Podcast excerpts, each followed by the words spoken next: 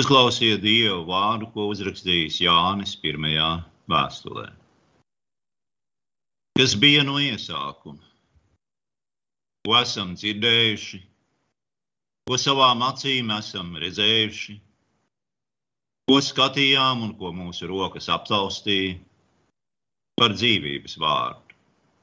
Dzīvība tika parādīta, un mēs to esam redzējuši un apliecinām un pasludinām jums mūžīgo dzīvību, kas bija pie tēva un tika mums parādīta. Ko esam redzējuši un dzirdējuši, to pasludinām arī jums, lai arī jums būtu sadraudzība ar mums. Un mūsu sadraudzība ir ar tēvu un viņa dēlu Jēzu Kristu. Un mēs jums to rakstām, lai mūsu prieks būtu pilnīgs. Āmen! Kad domājam par Kristus dzimšanas svētkiem, mēs parasti pievēršamies tām rakstu vietām, kur stāstīts par Jēzus dzimšanu. Mēs vēlamies dzirdēt par eņģeļiem, Mariju un Jāzepu, ganiem un austrumu gudrajiem, bet mūsu šīsdienas teksts, Jāņa pirmās vēstules sākums, pirmajā brīdī nešķiet piemērots Ziemassvētku teksts jo tas tieši nestāsta par Jēzus dzimšanu. Tomēr, lai gan Jānis nestāsta par šīm lietām tieši, viņš sniedz mums brīnišķīgu izskaidrojumu tam, ko Kristus dzimšana nozīmē. Kristus dzimšanas svētki nozīmē, ka pestīšana nāk no paša Dieva un tikai un vienīgi no viņa žēlastības. Mēs esam par to bieži runājuši. Bet ievērojiet, kā Jānis to izskaidro šeit. Pirmajā savā evanģēlijā nodaļā Jānis sauc Jēzu par vārdu.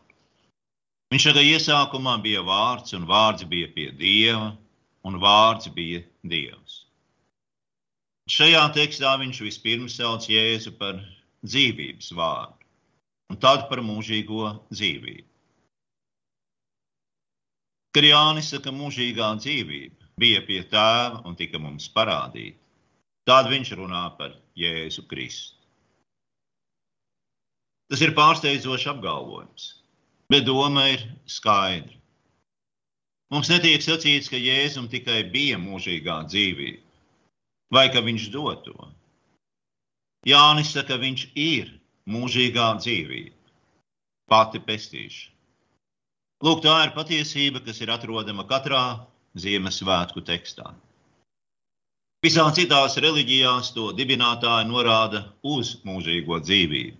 Bet tā kā Jēzus ir miesā nācis Dievs, tad viņš pats ir mūžīgā dzīvība. Tikt vienotam ar viņu ticībā, pazīt viņu mīlestībā, nozīmē saņemt no viņa šo dzīvību, mūžīgo dzīvību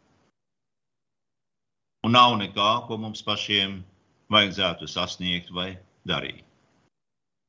Mēdz sacīt, ka visas šīs sarežģītās kristiešu dogmas nav svarīgas. Bet svarīga ir laba dzīve.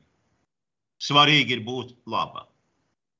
Tomēr ir vērts ievērot, ka tad, kad tiek sacīts, dogmai nav nozīmes, nozīme ir labai dzīvei, labiem darbiem, Tā nav nekas cits kā dogma. Un tā ir dogma, kas māca pestīšanu no labajiem darbiem vai ar labajiem darbiem. Tās pamatā ir doma, ka jūs nemaz neesat tik slikti. Nu, tik slikti, ka jums būtu vajadzīgs glābējs pašiem no sevis. Jūs neesat tik vāji, ka nevarētu savākties un dzīvot tā, kā jums ir jādzīvo. Šo vienu iepriekš sacīto teikumu. Dogmai nav nozīmes. Nozīme ir labai dzīvei. Patiesībā tiek pausta vesela dogmu virkne. Par dievu un par cilvēka dabu, par grēku un cilvēka dzīvi. Ja minām tikai dažas. Un Ziemassvētku vēsts ir, ka šāda dogma, dogmai nav nozīmes, nozīme ir labai dzīvei un labiem darbiem, ir pilnīgi nepareizi. Protams, ir iespējams ticēt, ka darbiem ir nozīme, ka ar tiem var iegūt nopelnus Dieva priekšā. Nu, un pat ja netiek ticēts Dievam, tad ar darbiem var iegūt cieņu sabiedrības un arī pat savās acīs. Šādi uzskati ir iespējami. Tomēr tādā gadījumā dzīve raksturos bailes un nedrošība.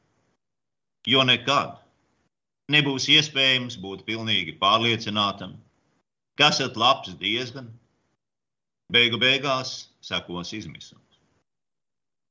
Otra iespēja, kas rodas no šādiem uzskatiem, ir pārliecība, ka patiešām esat labs diezgan, bet arī tam nenovēršami būs sekas - liekulība, lepnība, un nicinājums pret citiem. Viens sliktāks par otru. Parasti cilvēki, kas paļaujas uz saviem darbiem, tiek svaidīti no vienas šādas galējības otrā, no izmisuma, lepnība. Un tā tas, diemžēl, notiek ar lielāko daļu cilvēku. Turpretī, ja esi patiesa kristietis un tici Ziemassvētku vēstījumu, ka esi glābts tikai no dieva žēlastības un tikai Kristū. Tad lepnības vietā stājas pazemība, un nedrošības vietā pilnīga drošība, nešaubīga pārliecība. Tad jebkurā dzīves brīdī tev ir klints pamats, uz kā stāvēt, proti, tavs pestītājs Jēzus Kristus. Iepriekš sacītais liecina, ka ir ļoti svarīgi, ka tas, ko mums vēsta Ziemassvētku stāsti, patiesi notika. Ja esi pilnīgi vai daļēji glābts pats ar savu pūļu palīdzību, tad Ziemassvētku vēsti ir tikai viens pielietojums. Iedvesmot tevi uz labo un mudināt sakot Kristus piemēru. Šādā gadījumā nav patiesībā svarīgi, vai Ziemassvētku stāsts ir patiesi vai izdomāti, vai tās ir tikai leģendas un teiksmes. Svarīgais ir piemērs, kam sako. Turpretī esi glābts tikai no Dieva žēlastības Kristu. Nevis ar to, ko dari pats, bet ar to, ko ir darījis Viņš. Tad ir izšķiroši, lai lielie evaņģēlīja notikumi, Dieva dēla miesā nākšana, viņa upuris pie krusta par cilvēces grēku un augšām celšanās no nāves, patiesi būtu notikuši notikuši šeit, laikā un telpā. Lūk, tas ir tas, ko apstiprina mūsu šīs dienas teksts. Jānis saka, mēs dzirdējām, savām acīm redzējām, skatījām, un mūsu rokas viņu aptaustīja. Kāpēc viņš to tik uzsvērti saka? Vai tas ir tikai retorisks paņēmiens? Nē. Tie, kas zina vēsturi, zinās, ka Jāņa lietotie vārdi atbilst tām seno laiku juridiskajām prasībām, kas apraksta to, kas tiek sagaidīts no uzticama liecinieka. Un tā Jānis raksta, to esam redzējuši un apliecināti. Un tad viņš stāsta par dzirdēšanu, redzēšanu un aptaustīšanu. Tas nav nekas cits kā tiesas telpas valoda. Burtiski liecinieka zvērs, kas apstiprina pierādījumus. Citiem vārdiem Jānis saka, tas, ko es jums rakstu, nav tikai jauki stāsti, bet es un vēl daudzi citi. Mēs esam acu liecinieki. Mēs liecinām un redzētā patiesumu apzvēram. Mēs patiesi redzējām viņu. Viņš patiesi dzīvoja, mēs dzirdējām viņu, viņš patiesi mīra un patiesi augšām cēlās no nāves. Un tad mēs viņu ne tikai redzējām un dzirdējām, bet arī paši ar savām rokām aptausījām. Ja Ziemassvētki ir tikai jauka leģenda, tad tu esi viens. Un viss ir atkarīgs no tevis paša.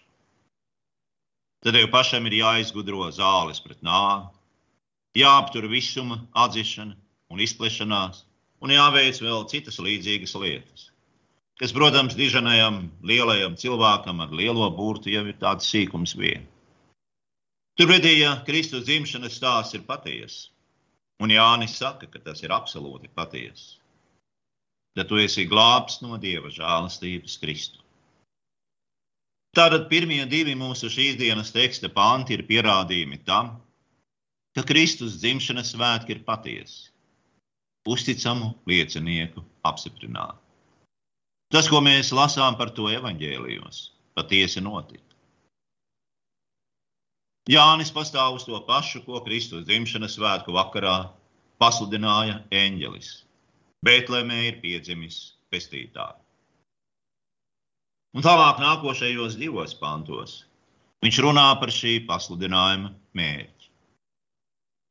Ziemassvētki nozīmē, ka te var būt sadraudzība ar Dievu. Jānis vēlas, lai viņa lasītāji ticētu viņa liecībai, un uz tās pamata tiktu iekļauti tajā cilvēku kopībā, kurai ir sadraudzība ar tēvu un dēlu. Šeit lietotais grieķu vārds koinonijā nozīmē attiecības, kur viena puse savstarpēji dalās ar otru. Šis pats vārds tiek lietots, lai raksturotu to, kas notiek, saņemot ar vakarēdienu maizi un vīnu, Kristus miesu un asinis.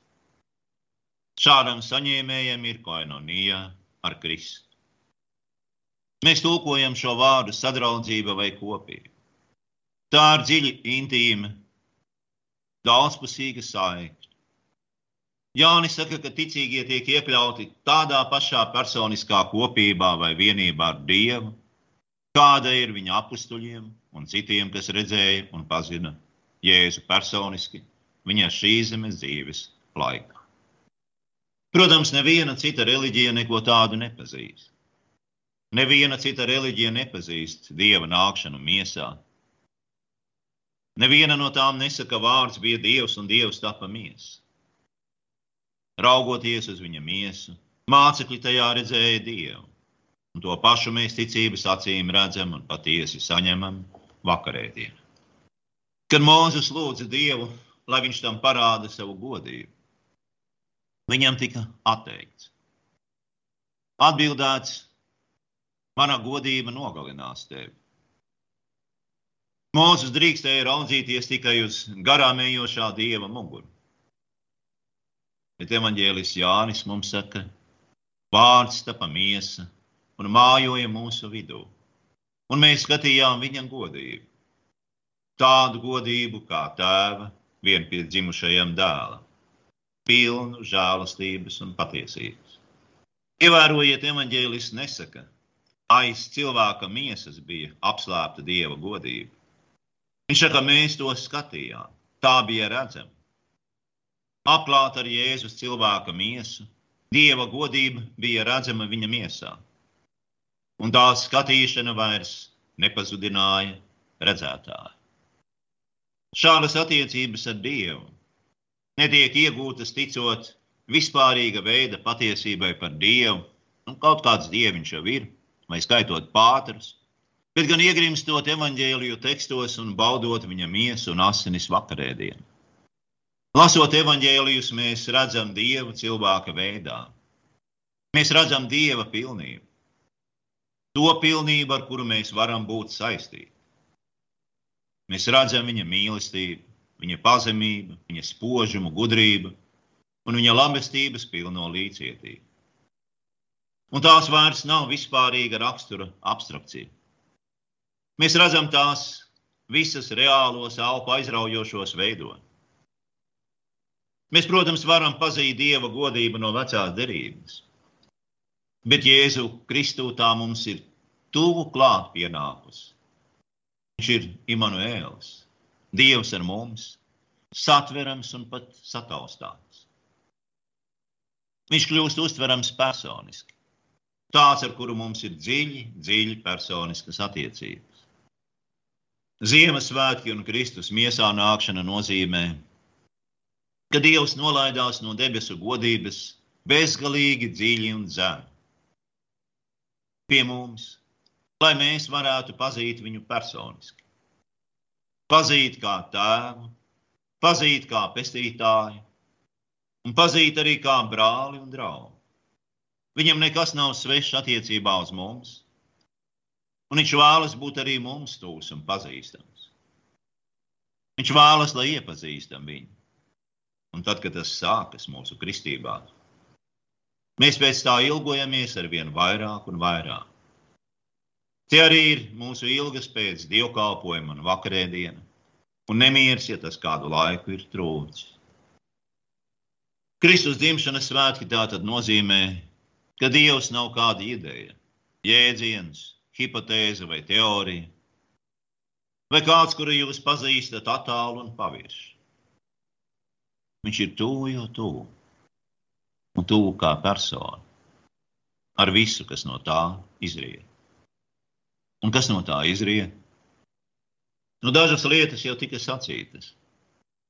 Bet Jānis mūsu šīs dienas tekstā uzsver vienu īpašu.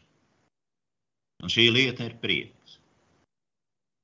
Viņš saka, ka viņa un citu apstuļu prieks nebūs pilnīgs, ja mums nebūs tāds pats prieks sadraudzībā ar Dievu. Prieks apustulim Jānim ir ļoti svarīga tēma. Savā evanģēlijā viņš stāsta par Jēzus apsolīto prieku saviem sekotājiem, kas būs kaut kas nesatricināms, kaut kas tāds, ko neviens nekad nevarēs atņemt. Šis prieks būs paša Kristus prieks mūsos, un mums tas tiks dots pārpilnībā. Tas ir bez mēra. Prieks, par kuru runā jaunā derība, protams, ir laime.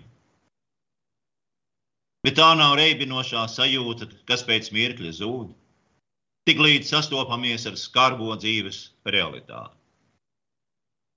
Šis prieks drīzāk ir balasts, kas tur kuģis stabilu un neļauj tam griezties pa viņiem. Par to runā pirmais psalms, lai gan nedaudz citādā veidā. Tajā mums tiek mācīts, ka dievbijīgs cilvēks ir līdzīgs kokam ar dziļām saknēm pie bagātas ūdens upes. Kas ir īpašs šajā kokā? Šis koks nav atkarīgs no lietus, no ārējiem apstākļiem, jo tā saknes rod vēldzi no dzīvības upes. Tad nu lūk tas prieks, kuru nes Ziemassvētki.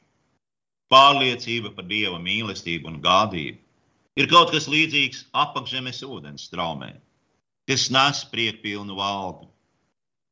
Līksmes avots, kas vienmēr atjauno dzīvības spēku, neatkarīgi no ārējiem dzīves apstākļiem. Bieži šis kristiešu prieka avots tiek atstāts bez ievērības. Bez ievērības tādēļ, kā veids, kā to saņemam, šķiet pārāk vienkārši, pārāk ikdienišs. Bet Jāņa vārdi, ko rokas aptaustīja, nekad nebeidz pārsteigt. Kā gan bezgalīgais varēja kļūt tik galīgs un ārkārtējais tik parasts. Un tomēr tas ir tieši Ziemassvētku vēsts saturs. Neiedomājams, ar prātu neaptverams diženums, tiek ietīts autiņos un likts silīt. Pasaule to nespēja aptvert un saprast. Pasaule vēlas grandiozu izrādi. Un ironiski Ziemassvētki ir kristiešu svētki, kurus pasaule tik labprāt pieņem. Bet pati Ziemassvētku vēsts pasaulē ir kaut kas neiedomājams, neaptverams un nesaprotams. Jēzus piedzima nevis uz pasaules skatuves, bet stāvlī. Viņš nedavās dzīvot uz pili, bet neilgi pēc savas dzimšanas kļuva par bēgli bez pajumtes. Viņa dzimšanas dienas viesi nebija šīs pasaules spīdekļi un varenie, bet gan. Visā savā dzīvē Jēzus ignorēja pasaules gaidas pēc tā, kā ir jārīkojas slavenībām un kā ir jāsākas sociālām kustībām. Pasaule nevar saprast tādu dievu, kāds ir Jēzus. Nevar tādēļ, ka pasaule gaida grandiozus notikumus. Ja tā vietā saņem stāstu par silītē gulošu bērniņu. Pasaule gaida spožas, intelektuāli saviņojušas domas, runas, godu, slavu, popularitāti. Ja to vietā saņem vēsti par nāvi pie krusta. Pasaule gaida vismaz dziļu reliģisku saviņojumu un pārdzīvojumu. Tā vietā tai tiek piedāvāts saņemt vēsti. Tev tavi grēki piedot, ņem un ēd Kristus miesa, ņem un dzer Kristus asinis. Vai var būt kas vēl mazāk iespaidīgs, kaut kas, ko pasaule gaidītu mazāk par šo? Tas taču ir pārāk vienkārši, pārāk piezemēti un beigu beigās pat apvainojoši dižajam cilvēkam, kurš vēlas, lai viņam izrāda pienācīgu cieņu un respektu. Tad, nu, lūk, kristieša dzīve nesākas ar vareniem augstiem darbiem un sasniegumiem. Tā sākas ar pašām vienkāršākajām un parastākajām lietām. Ar pazemīgu lūgšanu pēc žēlastības un piedošanu. Tad palānām dzīvība un prieks aug. Un gadu gājumā, caur pelēcīgu ikdienu, gandrīz garlaicīgām lietām, ikdienas paklausību, lasīšanu, lūgšanu un dievkalpojumu apmeklēšanu, kalpošanu saviem brāļiem un māsām Kristū, kā arī savam tuvākajam vispār. Paļaujoties uz Jēzu ciešanu un pārbaudījumu brīžos, tajā visā palānā mūsos kaut kas notiek. Notiek kaut kas ārēji neredzams un pat neticams. Proti, mūsos aug ticība, mūsu saknes, stiepjas ar vien tuvāk un tuvāk dziļajai prieku upei, tās dzīvības straumē. Neļaujieties savaldzināties ar pasaules prasībām pēc lielām, varenām, grandiozām lietām. Bet verieties pie vienkāršiem līdzekļiem, kuri nes patiesu, paliekošu prieku. Jo šajā vienkāršumā un ikdienišķumā slēpjas ārkārtējās evaņģēlīja bagātības. Nepieļaujiet to kļūdu, kuru vienmēr pieļauj pasaule. Nemitīgi kāpjot uz viena un tā paša grābekļa savas lepnības dzīvi. Ja tā vietā ieklausieties vienkāršajā Kristus dzimšanas svētku dziesmā, tu mazā klusā bētlem. Nu, latviešu versija ir diezgan brīva, bet es citēšu vienkārši pārliktu oriģinālo versiju, kas skan šādi. Cik klusi, cik klusi tiek brīnišķīgā dāvana dot. Tā Dievs liek cilvēku sirdīs savu debesu svētības. Nedzird aus viņa nākšanu, bet šajā grēka pasaulē, kur lēnprātīgas dvēseles viņu gaidīs klusu, tur dārgais Kristus ienāks. on